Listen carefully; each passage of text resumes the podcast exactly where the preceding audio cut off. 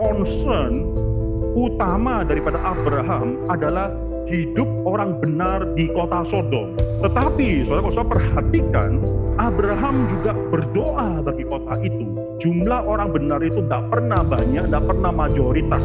Jumlah orang benar tidak banyak, tapi jumlah tersebut berperan penting, berdampak penting bagi orang-orang sekitar.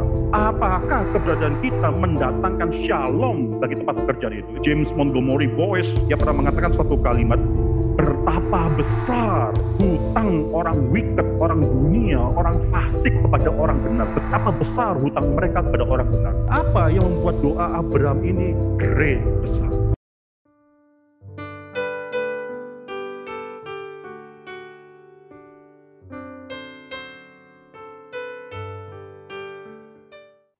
Saudara, kita akan mempelajari satu perikop daripada firman Tuhan. Kita buka kejadian pasal yang ke-18. Ada satu dikenal sebagai doa syafaat daripada Abraham.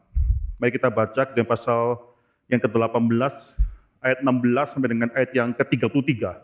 Kita akan membaca pertanggapan, saya baca yang genap, saudara baca yang ganjil dan seterusnya sampai selesai. Demikianlah firman Tuhan bagi kita semua pada pagi hari ini. Doa syafaat Abraham untuk Sodom, lalu berangkatlah orang-orang itu dari situ dan memandang ke arah Sodom atau memandang ke bawah ke arah Sodom dan Abraham berjalan bersama-sama dengan mereka untuk mengantarkan mereka 17.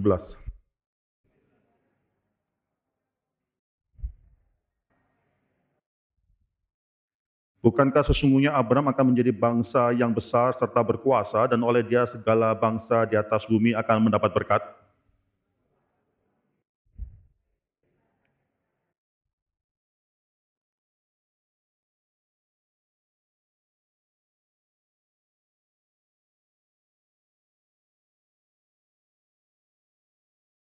Sesudah itu berfirmanlah Tuhan, sesungguhnya banyak keluh kesah orang tentang Sodom dan Gomora, dan sesungguhnya banyak, sangat berat dosanya.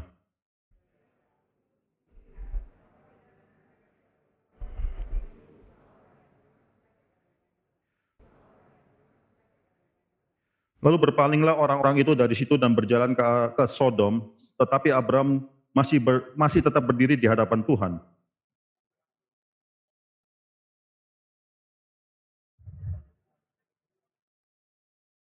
Bagaimana sekiranya ada 50 orang benar dalam kota itu, apakah engkau akan melenyapkan tempat itu dan tidakkah engkau mengampuninya karena ke-50 orang-orang yang ada di dalamnya, orang benar yang ada di dalamnya itu?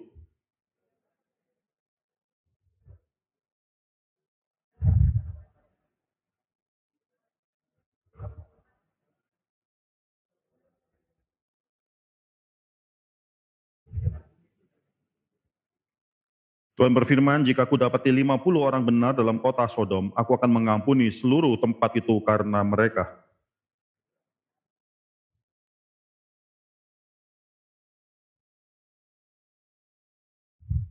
Sekiranya kurang lima orang dari kelima puluh orang benar itu, apakah engkau akan memusnahkan seluruh kota itu karena yang lima itu? Firmannya, aku tidak memusnahkannya jika aku dapati 45 di sana.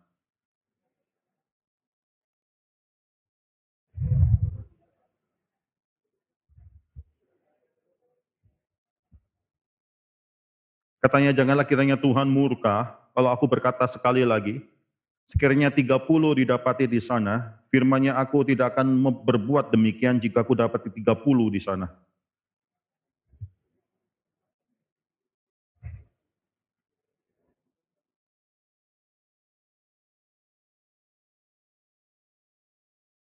Katanya, janganlah kiranya Tuhan murka kalau aku berkata lagi, sekali ini saja, sekiranya sepuluh didapati di sana, firmannya, aku tidak akan memusnahkannya, karena yang sepuluh itu.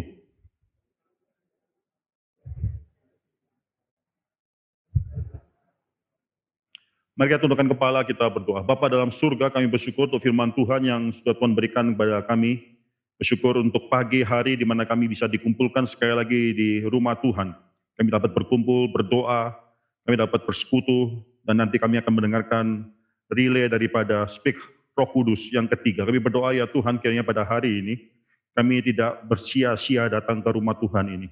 Kami dapat dikuatkan melalui persekutuan kami, melalui firman Tuhan yang kami dengarkan, melalui doa-doa yang kami panjatkan, puji-pujian yang kami naikkan bagi Tuhan. Kiranya Tuhan memberkati seluruh ibadah kami dan kegiatan kami pada pagi hari. Misalkan pemberitaan firman Tuhan, kiranya roh Tuhan yang telah menggerakkan Abram untuk berdoa. Hari ini juga menggerakkan kami semua untuk mengenal bagaimana kami harus berdoa syafaat. Misalkan semua dalam nama Tuhan Yesus Kristus kami berdoa mengucap syukur. Amin. Saudara ini adalah suatu bagian yang sangat dikenal sekali yaitu mengenai doa syafaat daripada Abram. Tapi kalau saudara melihat Abram bukan satu-satunya berdoa di dalam pasal ini saja. Abram sudah melakukan atau menaikkan doa-doa di dalam pasal-pasal yang lainnya. Contohnya saudara kalau kita buka kejadian pasal 15. Kejadian pasal 15 itu nanti ada perjumpaan atau bagaimana Allah berkata-kata kembali dengan berfirman kembali dengan Abraham. Dalam ayat yang kedua ada suatu kalimat yang dikatakan di sana kalau kita bacakan Abraham menjawab ya Tuhan Allah apakah yang akan kau berikan kepadaku karena aku akan meninggal dengan tidak mempunyai anak? Dan yang akan mewarisi rumahku ialah Eliezer orang Damsyik itu. So, ini adalah suatu doa Abraham bagi dirinya.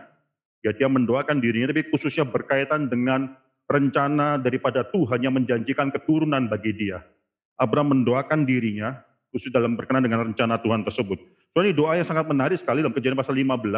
Kalau saya perhatikan dalam kejadian pasal 14, ayat yang ke-14, saudara. Coba kita baca di sana dalam kejadian pasal 14 ke 14, ketika Abraham mendengar bahwa anak saudaranya tertawan, maka dikerahkannya lah orang-orang yang orang-orang yang terlatih, yakni mereka yang lahir di rumahnya, 318 orang banyaknya, lalu mengejar musuh sampai ke Dan. Saudara di sini orang yang lahir di rumah Abraham sudah 318, itu yang sudah terlatih, saudara.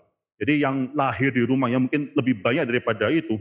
Tapi yang menarik dalam pasal 15, dia katakan satu anak pun dia tidak memiliki. Tidak ada satu orang pun yang lahir daripada istrinya dia. Tapi banyak yang lahir keluarga dia. Tapi tidak ada satu orang pun yang bisa meneruskan garis keturunan dia. Maka dia mendoakan. Karena ini adalah conversation bagaimana dia meminta atau meminta akhirnya dia bisa mendapatkan suatu jaminan daripada Tuhan bahwa Tuhan yang berjanji akan menggenapkan janjinya.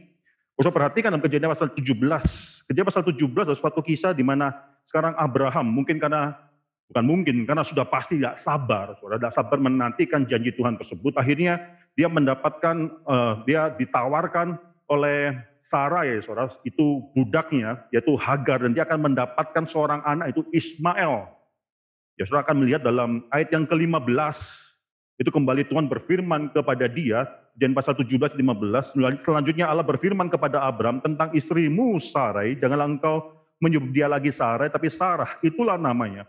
Aku akan memberkatinya, dan daripadanya juga aku akan memberikan kepadamu seorang anak laki-laki, bahkan aku akan memberi, memberkatinya, sehingga ia menjadi ibu bangsa-bangsa, raja-raja bangsa-bangsa akan lahir daripadanya. Seterusnya. Di sini sekali lagi Tuhan mengatakan kepada Abraham dari Sarah nanti akan melahir keturunan dan itulah yang akan menjadi penggenapan daripada janji Tuhan kepada Abraham dan kejadian pasal 12 akan lahir suatu bangsa yang besar tersebut, saudara. Kalau saudara perhatikan, saudara, Abraham tapi sudah memiliki Ismail, Abraham menyayangi Ismail. Kalau saudara perhatikan dalam ayat yang ke-18, kejadian pasal 17, ini adalah suatu doa daripada Abraham untuk keturunannya, untuk anaknya Ismail. Dan Abraham berkata kepada Allah, Ah, sekiranya Ismail diperkenankan, diperkenankan hidup di hadapanmu. Itu doa daripada Abraham. Saudara, apa yang terjadi hidup daripada keluarga Abraham ini sangat mengenaskan sekali karena akhirnya karena ketidaktaatan atau ketidaksabaran daripada Abraham melalui Hagar lagi Israel, eh, Ismail, lalu di sana sudah nanti hidup Ismail itu tidak akan bahagia. Kalau saudara perhatikan hidup Ismail nggak terlalu bahagia. Sebelum dia dilahirkan, Hagar sudah melarikan diri daripada Sarai, Ketika dia melarikan diri daripada Sarai, itu Hagar sedang uh, hamil, saudara. Nanti dalam kejadian pasal yang ke-21, saudara bisa melihat bagaimana nanti kembali Hagar dan Ismail itu akan diusir untuk selama-lamanya, itu atas permintaan daripada Sarah. Saudara perhatikan nanti ketika itu saudara bisa melihat bagaimana sebenarnya Abram itu sebenarnya benar-benar mencintai Ismail. Dia ketika tahu saudara Sarah meminta dia mengusir Ismail, dia itu kesal, dikatakan nama Alkitab ya, kejadian pasal 21 ayat yang ke-11, dia demikian kesal hatinya oleh karena, bukan karena disebabkan oleh Ismail, bukan. Karena dia kesal gara-gara Ismail yang akan diusirnya tersebut, diusir, dia diusir karena permintaan daripada Sarah. Maka di sini saudara doa daripada Abraham dalam kejadian pasal 17 ayat yang ke-18. ah, sekiranya Ismail diperkenankan hidup di hadapanmu. Itu bisa kita lihat sebagai dua hal negatif, karena kan baru saja Tuhan berfirman kepada dia mengenai Sarah yang akan melahirkan anak, kok dia minta Ismail. Baru saja Tuhan berkata kepada Abraham bahwa Sarah akan melahirkan. Kembali Tuhan menekankan janjinya kepada Abraham, eh Abraham sudah meminta sekiranya Ismail yang diperkenankan oleh Tuhan. Terus seakan itu suatu hal yang negatif, seakan Abraham tak mengabaikan janji Tuhan. Bisa saja kita melihat dalam hal itu, tapi dalam hal aspek yang positif, kita bisa melihat ini adalah seorang ayah yang mengasihi keturunannya. Seorang ayah yang mengasihi Ismail, seorang ayah yang mengasihi anak, yaitu kasih yang sangat genuine sekali yang Abraham miliki untuk anaknya, dan nanti Tuhan akan memberkati Ismail, karena Ismail juga adalah keturunan daripada Abraham. Tuhan akan katakan, memang Abraham, Tuhan akan katakan kepada Abraham, usirlah Hagar dan Ismail, tapi aku akan memberkati Ismail karena dia adalah keturunanmu. Nah, ini banyak sekali doa-doa daripada Abraham bisa kita pelajari di sini, saudara. Tapi salah satu doa yang paling terkenal daripada Abraham adalah doa yang kita baca dalam kejadian pasal yang ke-18. Di sana adalah percakapan antara Abraham dengan Tuhan berkenan dengan Sodom. Dan ini adalah, kalau kita anggap ini adalah suatu doa, ini adalah suatu doa yang sangat panjang sekali yang dicatat dalam kitab kejadian khususnya berkenan dengan doa Abraham, saudara. Coba perhatikan, saudara, dalam kejadian pasal 18 ini, saudara, uh, Sodom, kota Sodom, dan ini kalau kita bicara mengenai Sodom, biasanya juga sekaligus lima kota di lembah sungai Yordan tersebut. Kota Sodom ini adalah kota Sodom yang sudah dinilai oleh Tuhan sedemikian rupa, sehingga saudara bisa lihat ini kota yang sangat keji sekali di hadapan Tuhan. Kalau kita baca kejadian pasal 18 ayat 20, saudara. Ya sesudah itu berfirmanlah Tuhan, sesungguhnya banyak keluh kesah orang tentang Sodom dan Gomora dan sesungguhnya sangat berat dosanya itu adalah penilaian daripada Tuhan. Tuhan sudah mendengarkan keluh kesah demikian banyak orang berkenan dengan Sodom dan Gomora. Sangat berat sekali dosa daripada kota tersebut. Ayat 21, baiklah aku turun untuk melihat apakah benar-benar mereka telah berkelakuan seperti keluh kesah orang yang telah sampai kepadaku atau tidak, aku hendak mengetahuinya. Berarti adalah penilaian Tuhan atas kota Sodom tersebut. Perhatikan satu hal, ini adalah suatu kayak ada teriakan orang mengenai kota Sodom. Soalnya di dalam Alkitab, dosa itu sampai ada dosa yang sehingga membuat Tuhan mendengarkan. Mungkin evil, kejahatan, atau dosa itu sangat jarang sekali dipakai. Saudara ada berapa hal? Yang pertama, saudara dosa daripada atau penumpahan darah daripada orang yang tidak bersalah, Habel. Kejadian pasal 4 ayat 10 itu suara darah Habel itu berteriak kepada Tuhan.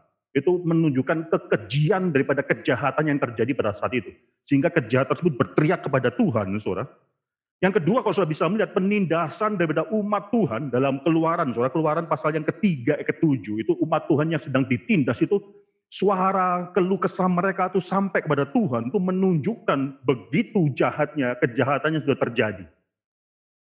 Yang ketiga, saudara bisa melihat, saudara dalam Yakobus pasal 3 ke-7 juga, Yakobus pasal 3 ke-7 yaitu upah pekerja yang ditahan oleh oleh pemilik atau uh, employer-nya, itu pengusaha, upah pekerja yang ditahan adalah suatu kekejian bagi Tuhan, itu kejahatan semacam demikian, itu cry out, berteriak di hadapan Tuhan. Saudara, dan ini adalah yang keempat, cuma ada empat, yang ini adalah yang keempat, yaitu dosanya Sodom itu berteriak kepada Tuhan. Saudara. Jadi lo bisa melihat ini suatu dosa yang luar biasa jahatnya, sehingga dipakai dalam Alkitab itu suatu ada suatu teriakan daripada orang atau daripada kota Sodom tersebut, saudara, atas dosa daripada kota Sodom itu. Dan sangat menarik sekali, saudara, kota Sodom ini demikian berdosa. Kau perhatikan dalam kejadian pasal 15, Tuhan berkata kepada Abraham bahwa keturunanmu akan pergi ke Mesir. Dan mereka akan kembali setelah 400 tahun, baru kembali, mereka akan sulit di Mesir. Mereka baru akan kembali 400 tahun kemudian ke tanah kanan karena dosa orang Amori itu belum genap. Jadi Tuhan memelihara tanah kanaan sementara 400 tahun, mengirim orang eh, orang Israel ke Mesir, keturunan Abraham ke Mesir, di sana mereka akan sulit dan mereka akan kembali untuk menghakimi tanah kanaan, sementara belum karena dosa orang Amori belum genap. Tetapi kota Sodom dan lima kota di dalam lembah sungai Yordan sudah dihakimi Tuhan 400 tahun sebelumnya. Mengapa? Karena sudah genap. Sudah demikian jahatnya dosa kota Sodom sedemikian rupa, Sehingga Tuhan tidak tunggu sampai orang-orang Israel kembali ke tanah kanaan. Tidak, saudara. Tuhan tidak tunggu. Tuhan hakimi pada saat itu. Karena sudah genap dosa daripada orang-orang di Sodom ini, saudara. Saudara ada, oke itu bicara mengenai Sodom. Nah kalau bicara mengenai doa daripada Abraham ada kesulitan, saudara. Kesulitannya adalah Adam, Abraham sedang berdoa untuk siapa? Itu pertanyaan yang sulit yang harus dijawab. Abraham sedang berdoa untuk siapa? Benarkah Abraham sedang berdoa untuk Sodom? Benarkah ini bisa dikatakan sebagai doa syafaat Abraham untuk Sodom? Pokok saya perhatikan, saudara banyak sekali komentator-komentator yang memang mengatakan bahwa ini adalah doa Abraham, doa syafaat Abraham untuk Sodom. Bahkan LAI menggunakan satu heading, saudara title perikop ini yaitu doa syafaat Abraham untuk Sodom. Tapi apakah benar Abraham berdoa untuk kota Sodom itu atau untuk something else? Dan ini kita harus perhatikan, kita harus bisa jawab hari ini. Perhatikan saudara, kalau kita perhatikan concern utama daripada Abraham adalah hidup orang benar di kota Sodom. Ya, concern utama daripada Abraham adalah hidup orang benar di kota Sodom. Coba kita baca Kejadian pasal 18 ayat yang ke-23, Saudara. Kejadian pasal 18 ayat ke-23, Abraham datang mendekat dan berkata, apakah engkau akan melenyapkan orang benar bersama-sama dengan orang fasik? Abraham tahu apa yang akan terjadi atas kota Sodom, dan dia bertanya kepada Tuhan, pertanyaan pertama, apakah engkau juga akan melenyapkan orang-orang benar yang ada di kota Sodom tersebut bersama dengan orang fasik? Concern utama bagi Abraham di sini adalah mengenai keberadaan daripada orang-orang benar di kota Sodom. Tetapi, saudara, kalau saya perhatikan, kalau saya perhatikan, Abraham juga berdoa bagi kota itu. Ya, concern utama adalah berkenan dengan orang-orang benar di kota Sodom. Tapi Abraham juga berdoa bagi kota itu. Coba perhatikan beberapa ayat, ayat yang ke-24. Bagaimana sekiranya ada 50 orang benar dalam kota itu, apakah engkau akan melenyapkan tempat itu dan tidakkah engkau akan mengampuninya karena ke-50 orang yang benar yang ada di dalamnya? Sekali lagi di sini saudara-saudara bisa melihat bagaimana Adam, Abraham memang berdoa concern utama adalah untuk orang-orang benar, tetapi dia juga mengatakan kalau misalnya ada 50 orang benar, apakah engkau akan memusnahkan kota tersebut dan kau tidak akan mengampuninya? Itu berdoa untuk kota Sodom. Ayat yang ke-26, saudara. Kejadian pasal 18 ayat 26. Uh, ya, uh, kejadian pasal 18 ke 26 saudara bisa melihat di sini saudara. Ini adalah uh,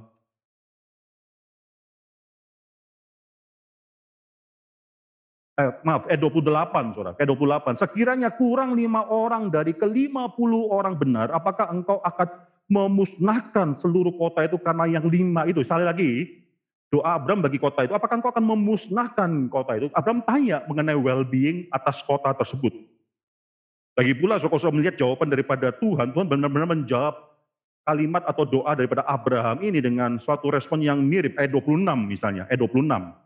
Tuhan berfirman, jika ku dapati 50 orang benar dalam kota Sodom, aku akan mengampuni seluruh tempat itu karena mereka.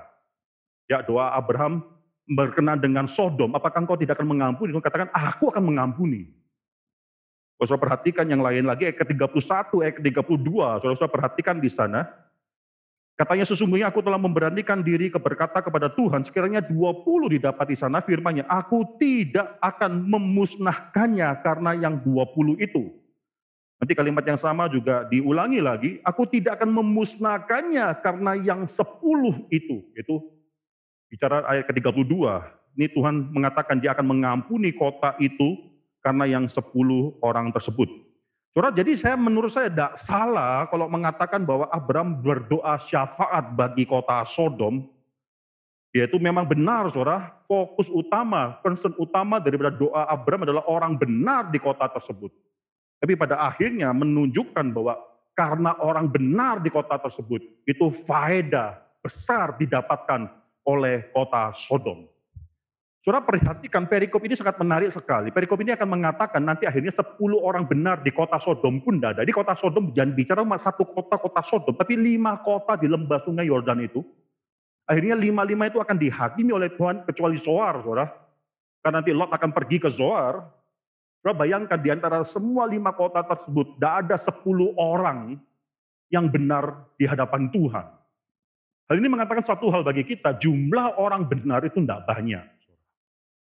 Jumlah orang benar itu tidak pernah banyak, tidak pernah majoritas. Jumlah orang banyak itu tidak pernah banyak, tidak pernah besar, saudara. Bahkan Paulus mengatakan dalam Roma pasal 11, dia bicara mengenai sisa-sisa orang Israel. Sisa-sisa, remnant. Sisa-sisa orang Israel. Dan Yesus berkata, dalam Lukas pasal 18, dia mengatakan, jika anak manusia datang kembali ke bumi, adakah dia akan menemukan iman? Jumlah orang benar itu tidak banyak, fenomena bisa kelihatan banyak, tapi yang benar-benar sejati di hadapan Tuhan itu belum tentu sebanyak yang kelihatan. Tapi menarik sekali, jumlah yang tidak banyak ini itu berperan penting bagi shalom banyak orang. Ini ini harus saudara kita harus kita mengerti, kita harus mengerti hal ini. Jumlah orang benar tidak banyak, tapi jumlah tersebut berperan penting, berdampak penting bagi orang-orang sekitar. Saudara ini suatu hal yang sangat penting harus kita ingat. Di tempat kerja kita belum tentu jumlah orang benar itu banyak. Jumlah orang jujur, jumlah orang yang takut akan Tuhan itu banyak. Belum tentu. Tapi apakah keberadaan kita mendatangkan shalom bagi tempat pekerjaan itu? Itu penting untuk dipikirkan. Kalau saudara perhatikan, saudara, sering kali saudara memang gara-gara segelintir orang benar, itu orang sekitar dapat berkat. Alkitab banyak menceritakan mengenai hal ini. James Montgomery Boyce, saudara, dia pernah mengatakan suatu kalimat, Betapa besar hutang orang wicked, orang dunia, orang fasik kepada orang benar. Betapa besar hutang mereka kepada orang benar. Karena melalui keberadaan orang benar, mereka mendapatkan berkat. For the sake of righteous, God's righteous. Oleh karena untuk keuntungan atau untuk bagi orang benar tersebut, Tuhan mendatangkan berkat bagi banyak orang. Kalau diambil contoh, saudara, coba kita buka ya. Kejadian pasal 30 coba kita buka. Kejadian pasal 30 ayat yang ke-27 Saudara. Kejadian pasal 30 ayat yang ke-27 ini bicara mengenai Laban dan Yakub. Tapi Laban berkata kepadanya, sekiranya aku mendapat kasihmu, telah nyata kepadaku bahwa Tuhan memberkati aku karena engkau. Berarti kan Tuhan memberkati Laban karena keberadaan daripada Yakub. Kalau kita buka kejadian pasal 39, ini Yusuf di Potifar. Itu pasal 39 ayat yang kelima, saudara. Sejak ia atau Potifar memberikan kuasa dalam rumahnya dan atas segala miliknya kepada Yusuf, Tuhan memberkati rumah orang Mesir itu karena Yusuf. Maka kalau saudara perhatikan kisah Rasul, coba kita buka kisah Rasul, saudara. Ya, kita buka kisah Rasul dalam perjanjian baru, kisah Rasul pasal yang ke-27, saudara itu keberadaan daripada Paulus menyelamatkan satu kapal. Kisah Rasul pasal 27 ayat ke-24, dan ia berkata, jangan takut Paulus, engkau harus menghadap kaisar dan sesungguhnya oleh karunia Allah, maka semua orang yang ada bersama-sama dengan engkau di kapal ini akan selamat karena engkau. Nanti kalau saudara perhatikan, coba kita buka satu ayat yang menarik di dalam Yeremia, saudara. Yeremia pasal yang kelima, ayat yang pertama. Coba kita buka Yeremia pasal 5 ayat pertama. Ini ini sangat mengagetkan sekali, Saudara. Yeremia pasal 5 ayat pertama. Lihat uh, lintasilah jalan-jalan Yerusalem, lihatlah baik-baik dan camkanlah. Periksalah di tanah-tanah lapangnya, apakah kamu dapat menemui seseorang Apakah ada yang melakukan keadilan dan yang mencari kebenaran? Satu orang saja. Maka aku akan mengampuni kota itu. Yehuda tidak akan mendapatkan pembuangan kalau dalam Yehuda, di Yerusalem, ada satu orang benar. Satu orang benar. Dan sekarang saudara dalam kejadian pasal 18, itu saudara bisa melihat betapa pentingnya peranan daripada orang benar. Kalau ada 10 orang benar di seluruh lembah sungai Yordan, lembah itu tidak akan dihancurkan. Saudara bagaimana dengan hidup kita? Saudara? Keberadaan kita, saudara harus sadar, itu suatu privilege bagi dunia orang berdosa. Kalau kita benar-benar adalah anak Tuhan, keberadaan kita adalah suatu berkat bagi dunia orang berdosa. Itu karena keberadaan kita, tempat pekerjaan kita, di sekolah kita, di mana pun kita berada, itu seharusnya mendatangkan shalom dan blessing bagi orang-orang yang tidak percaya. Saudara, saya akan masuk dalam doa Abraham di sini. Apa yang membuat doa Abraham ini great, besar? Apa yang membuat doa Abraham ini besar? Saya sudah mendaftarkan ada kira-kira enam alasan mengapa doa Abraham di sini besar. Yang pertama, doa Abraham dimulai dengan dia mengetahui rencana Tuhan. Itu indah. Sekali lagi, saudara, doa Abraham dimulai dengan dia mengetahui rencana Tuhan. Perhatikan, perhatikan ini benar-benar perhatikan baik-baik di sini, saudara. Kalau kita baca dalam ayat ke-17, nanti baru doa Abraham, Abraham mulai berdoa dalam ayat ke-23. Perhatikan di sini, ayat yang ke-17 saya bacakan, saudara. Berpikirlah Tuhan, apakah aku akan menyembunyikan kepada Abraham apa yang hendak kulakukan ini, atau transition lain, apakah aku akan menyembunyikan, menyembunyikan kepada Abraham apa yang harus kulakukan ini. Itu penting, saudara. Tuhan tahu apa yang harus dia lakukan. Ada orang yang membaca ayat 21, coba kita baca ayat 21, saudara. Baiklah aku turun untuk melihat apakah benar-benar mereka telah berkelakuan seperti keluh kesah orang yang telah sampai kepadaku atau tidak, aku hendak mengetahui. Ada orang yang mengatakan bahwa Tuhan belum tahu. Tuhan belum tahu berkenan dengan Sodom, maka dia perlu turun ke Sodom untuk melihat dengan mata sendiri untuk membuktikan apakah keluh kesah daripada orang-orang itu benar, baru dia akan melakukan sesuatu. Tapi saudara, kalau perhatikan ini tidak benar, interpretasi ini tidak benar, karena dalam ayat ke-17, Tuhan sudah katakan dia tahu apa yang akan dia lakukan terhadap Sodom. Dia sudah tahu. Bahkan di sana sekali lagi surat translation lain itu menarik sekali, lebih lebih tepat menurut saya. Berpikirlah Tuhan, apakah aku akan menyembunyikan kepada Abraham apa yang harus kulakukan. Dia sudah menetapkan hati untuk apa yang akan melakukan apa untuk Sodom. Maka di sini saudara, Tuhan sudah tahu apa yang akan dia lakukan. Tapi kalau sudah baca, dia tidak pernah katakan secara eksplisit kepada Abraham apa yang akan dia lakukan. Tidak pernah.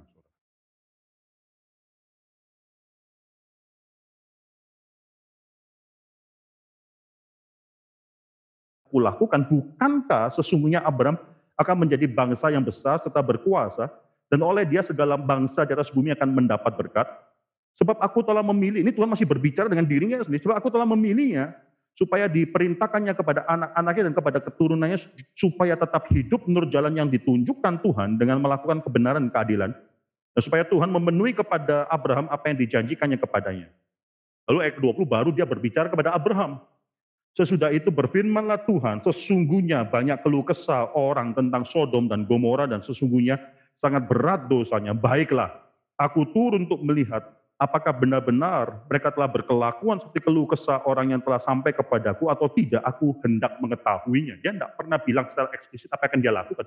Tuhan tahu, sudah memutuskan apa yang harus dia lakukan, tapi dia tidak share kepada Abraham seluruhnya.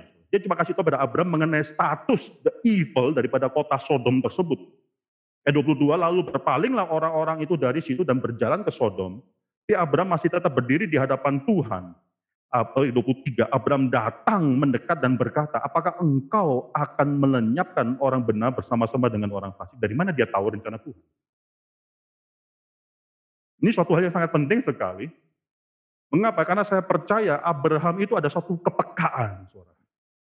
Tidak harus semua itu ditulis secara eksplisit. Ada orang-orang Kristen kerdil yang mengatakan bahwa dia tidak melihat peraturan ini atau itu secara eksplisit ditulis dalam Alkitab, maka dia tidak melakukannya atau dia melakukannya. Bagi saya adalah satu orang Kristen yang bertipe kerdil, karena hanya menantikan suatu hal yang eksplisit. Dia tidak bisa melihat wajah Tuhan. Dia tidak bisa melihat hati Tuhan. Dia tidak bisa mengira-ngira kira-kira Tuhan itu rencananya apa. Abraham berbeda. Saya merasa Abraham ada maturity sedemikian rupa, ada kepekaan dalam diri Abraham. Bukankah Abraham dalam kejadian pasal 17, itu sudah dipanggil oleh Tuhan untuk berjalan di hadapannya dia dan menjadi orang yang tidak bercacat celah. Abraham dipanggil untuk berjalan bersama dengan Tuhan. Bahkan saudara kalau saudara perhatikan, coba kita buka. Saudara, ada satu title Abraham yang sangat menarik sekali. Coba kita buka dua tawarik. Saudara. Dua tawarik pasal yang ke-20 ayat yang ke-7.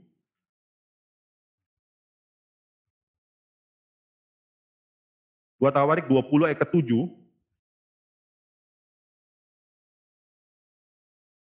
Bukankah engkau Allah kami yang menghalau penduduk tanah ini dari depan umatmu Israel dan memberikannya kepada keturunanmu Abraham, sahabatmu itu, your friend. Ya, Abraham dipanggil sebagai temannya Tuhan. Sahabatmu itu untuk selama-lamanya. Demikian juga kalau baca dalam Yesaya pasal 41, coba kita buka. Yesaya pasal 41 ayat yang ke-8 juga demikian, Saudara. Itu suatu title yang diberikan kepada Abram yang tidak dimiliki oleh orang lain. 41 ayat ke-8. Tapi engkau, hai Israel hambaku, hai Yakub yang telah kupilih keturunan Abram, bukan yang kukasihi, saudara, tapi di sana secara literal adalah my friend, temanku, Abraham temanku. Itu luar biasa sekali surat title. Abraham mendapatkan title sebagai temannya Tuhan. Bro, ini sehingga seorang yang demikian dekat mengikuti Tuhan, tidak perlu harus dikasih tahu semua huruf perintah daripada Tuhan, baru dia bisa mengerti isi hati Tuhan. Dia bisa menerka dan dia bisa tahu. Demikian juga dengan kita, saya percaya kita, Yesus berkata kepada kita, kepada murid-murid mengatakan, engkau sudah bukan lagi itu dianggap sebagai budak, tapi sebagai teman. Seorang teman itu mengetahui kehendak. Ya budak tidak tahu, tapi teman itu demikian berbeda. Soalnya ini maka ini saya bagi saya ini adalah suatu hal yang sangat menarik sekali daripada doa Abraham. Doa Abraham dimulai daripada dia mengetahui terlebih dahulu rencana Tuhan. Seringkali saudara kita tidak pernah mengenal rencana Tuhan. Sekali kita menerka-nerka rencana Tuhan, bahkan kita berdoa sering kali berlawanan dengan rencana Tuhan, maka doa kita tidak mungkin bisa menjadi doa yang besar di hadapan Tuhan, tidak mungkin. Doa kita tidak mungkin menjadi doa yang bisa menggerakkan orang lain, bahkan kita pun tidak tahu rencana Tuhan ketika kita berdoa. Tapi tidak demikian dengan Abraham, dia mengenal dengan jelas, mengenal dengan jelas apa rencana Tuhan berkenan dengan kota Sodom, dan dia berdoa intercede bagi kota Sodom dan khususnya bagi orang benar di kota Sodom tersebut. Yang kedua, saudara, Abraham itu adalah Abraham yang sudah mengerti konsep doa, yaitu dia merendahkan kehendak dia di bawah kehendak Tuhan. Itulah doa. Doa adalah submission, merendahkan our will, kehendak kita di bawah kehendak daripada Tuhan. Nah dari mana kita ini bisa tahu hal ini? Ketika Abraham mengerti siapa Tuhan dan siapa diri dia. Di sana doa dia adalah doa yang merendahkan diri dia di hadapan Tuhan. Seringkali kita gagal untuk bisa mengerti arti doa karena kita belum tahu posisi Tuhan di mana, siapa dia dan siapa kita. Seringkali kita merasa bahwa kita lah Tuhan dalam doa kita, kita minta Tuhan melakukan sesuatu ini dan itu, tapi kita tidak pernah benar-benar tahu siapa dia. Coba perhatikan nama yang dipakai oleh Abraham untuk memanggil Tuhan. Dia panggil dia sebagai God atau Lord, Tuhan. Tuhan atas hidup dia. Ada satu nama lain lagi yang akhirnya dia berikan kepada Tuhan, itu ayat yang ke-25. Masakan hakim segenap bumi. Itu satu title yang sangat penting sekali. Hakim segenap bumi menunjukkan bahwa dia sadar Tuhan yang memiliki hak untuk menghakimi segala sesuatu. Dia berhak. Kalau dia mau menghakimi seluruh lembah sungai Yordan, itulah hak daripada Tuhan karena dia adalah hakim daripada seluruh bumi. Dan saudara perhatikan dalam doa syafaatnya Abraham kepada pada Tuhan, permohonan-permohonan dia, dia panggil diri dia apa? Saudara, saudara perhatikan di sini, saudara ayat yang ke 27, Abraham menyahut, sesungguhnya aku telah memberanikan diri ke, berkata kepada Tuhan, walaupun aku debu dan abu. Ini satu hal yang penting, saudara, walaupun aku debu dan abu, dust and ashes. Dia merendahkan diri dan dia melihat Tuhan itu demikian tinggi. Karena kalau kita mengerti siapa diri kita dan siapa Tuhan kita, baru pada saat itu kita benar-benar bisa submit our will di hadapan atau di bawah kehendak daripada Tuhan. Di sini Abraham tidak pernah memaksakan engkau harus melakukan ini, engkau harus melakukan enggak. Dia cuma meminta dan berbicara kepada Tuhan sekiranya kalau misalnya ada 50 bagaimana.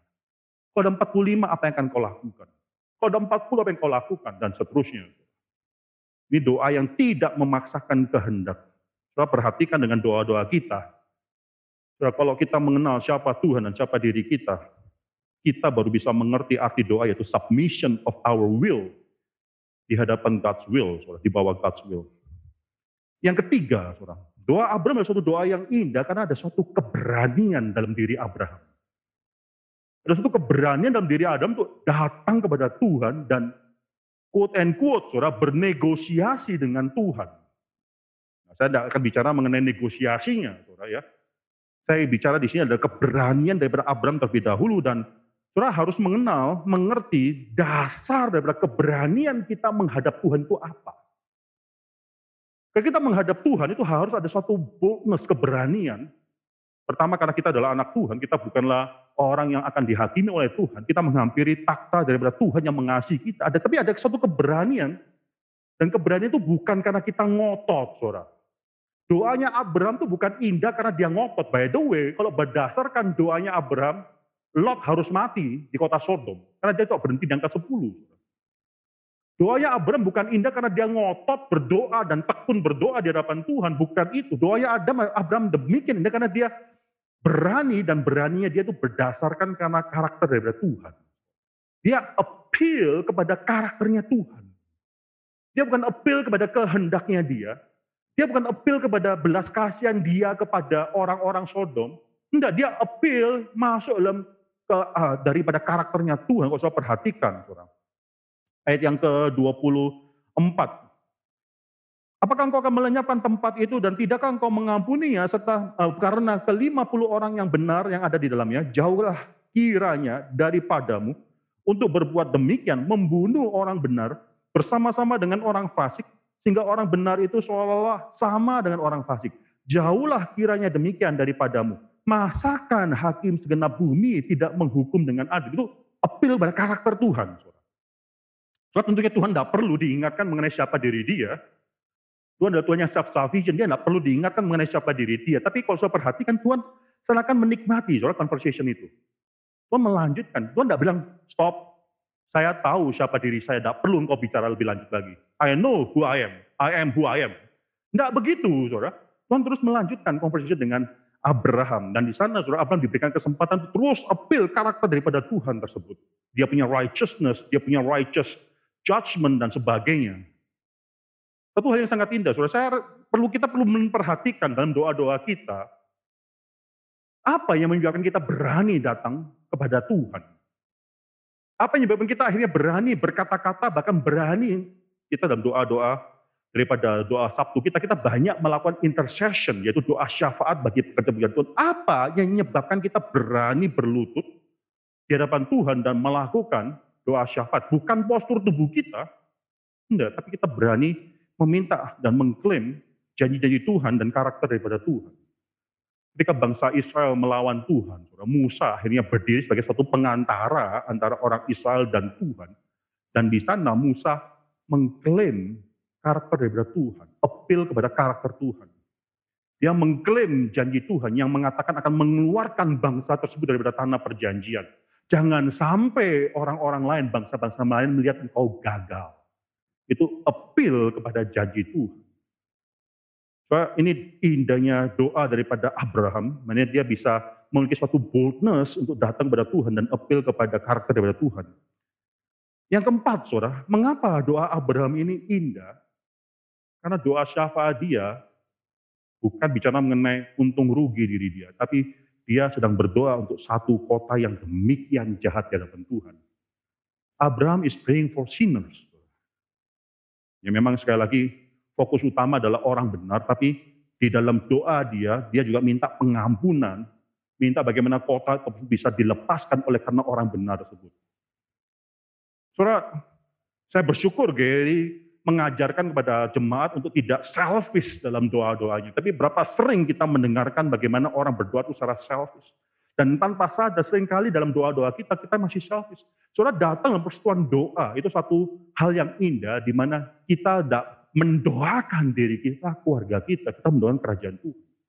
Tapi bisa berdoa untuk orang berdosa, it takes a lot of love mengambil atau memerlukan demikian besar kasih kepada orang berdosa.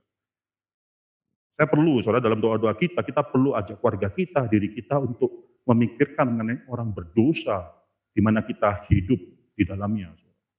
Saudara, doa Abraham adalah doa yang indah, karena dia tidak sedang memikirkan mengenai diri dia. Lot pernah memilih lembah sungai Yordan karena untung rugi diri dia.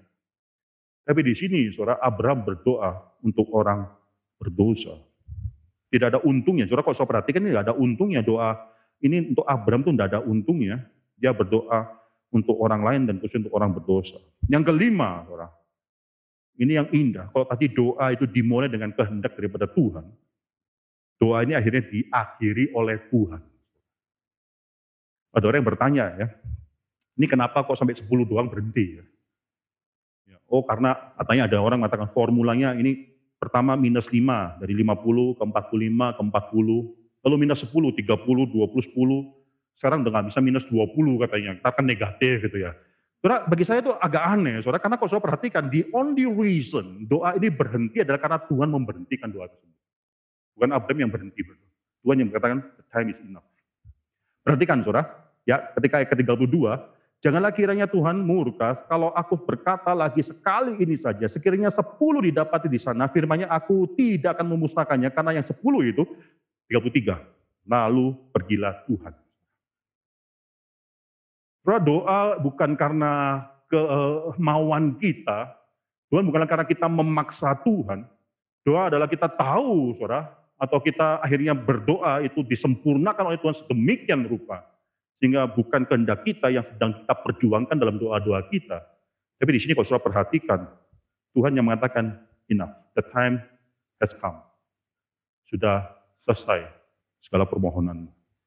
Nah, ini sekali lagi saudara doa Abraham dimulai dengan dia mengetahui kehendak Tuhan, diselesai dengan diselesaikan dengan Tuhan yang memberhentikan, memberikan dia kesempatan berdoa dan selesai pada saat itu.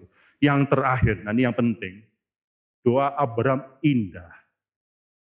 Bukan karena doanya itu super. Doanya Abraham itu indah. Bukan karena doanya itu tidak ada cacatnya. Saya perhatikan doanya Abraham banyak cacat. Dari mana kita tahu banyak cacat? Tadi sudah katakan, kalau berdasarkan kriteria daripada apa yang dia doakan, Lot harus mati di kota Sodom. Kalau katakan apa? Dia cuma, Abraham cuma mengatakan bagaimana kalau ada sepuluh, kalau ada sepuluh kota Sodom tidak akan dihancurkan. Dia tidak pernah mikir kalau kurang dari sepuluh bagaimana. Dia tidak pernah mikir bahwa ternyata di antara seluruh lembah sungai Yordan itu yang orang benar yang akan selamat daripada hukuman daripada Tuhan itu cuma tiga orang. Lima pun tidak ada. Tiga orang yang akan keluar daripada penghukuman Tuhan itu Lot dan kedua anaknya. Sehingga di sini kalau bisa melihat doanya Abraham itu banyak kekurangannya. Tapi apa yang membuat doa Abraham itu indah? Karena Tuhan yang menyempurnakan doa dia. Tuhan yang menyempurnakan doa, doa dia. Tuhan tidak melakukan sesuatu berdasarkan keindahan daripada doa Abraham, kecukupan daripada doa Abraham, tidak. Bahkan Tuhan melakukan sesuatu yang tidak Abraham minta. Tuhan menyelamatkan Lot. Tuhan juga membawa keluar istrinya dan kedua anaknya. Istrinya walaupun akan menjadi tiang garam. Tapi Tuhan melakukan sesuatu yang Lot sendiri tidak memintanya. Bahkan mungkin tidak memikir, maaf, Abraham sendiri tidak pernah memintanya. Bahkan mungkin Abraham tidak pernah pikir ke sana. Saudara, kita bisa teringat dalam satu nats yang mengatakan bahwa roh penolong itu akan menolong kita dalam semua doa-doa kita, bahkan dalam keluh kesah yang tidak terucapkan. Saya percaya saudara ini terjadi dalam doa daripada Abraham, tidak sempurna doa ini, tapi yang berdoa ini indah adalah karena Tuhan tidak melakukan sesuatu berdasarkan indah dan indahnya doa ini, Tuhan melakukan sesuatu lebih daripada itu. Dengan kata lain, saudara, saya percaya Tuhan menyempurnakan doa daripada Abraham ini. Mari kita belajar untuk mengerti prinsip-prinsip doa daripada Abraham ini. Khususnya ketika kita mulai melakukan PD-PD pagi, persekutuan doa kita pada Sabtu pagi dan kita menaikkan doa-doa syafaat kita. Yang prinsip-prinsip yang kita pelajari bisa menjadi suatu hal yang kita hidupi dalam hidup kita. Mari kita tundukkan kepala dan kita berdoa. Bapak dalam surga kami bersyukur untuk firman Tuhan yang sudah kami dengarkan ini. Bersyukur untuk roh Tuhan yang sudah menggerakkan dan menyempurnakan doa daripada Abraham ini. Dalam doa, kami ya Tuhan banyak hal yang mungkin belum kami lakukan dengan benar. Bahkan, bahkan sering kali kami tidak memulai doa kami dengan suatu hal yang benar, yaitu mengenal rencana daripada Tuhan. Tapi kami bersyukur ya Tuhan, Tuhan uh, Tuhan yang bukan melakukan sesuatu karena doa kami. Tuhan sudah merencanakan segala sesuatu, bahkan Tuhan sudah merencanakan dan menggerakkan bagaimana kami harus berdoa. Tapi lebih daripada itu, Tuhan menyempurnakan kami berdoa. Jadikanlah komunitas ini komunitas yang menyukai, mencintai, dan menikmati doa-doa yang mereka panjatkan kepada Tuhan. Diajar kami terlebih dahulu untuk bisa menundukkan diri kami di hadapan Tuhan yang besar. Menikmati Tuhan yang menyempurnakan kami. Kami serahkan seluruh diri kami, warga kami, dan semua doa-doa yang akan kami panjatkan pada pagi hari ini. Dalam nama Tuhan Yesus Kristus kami berdoa mengucap syukur. Amin.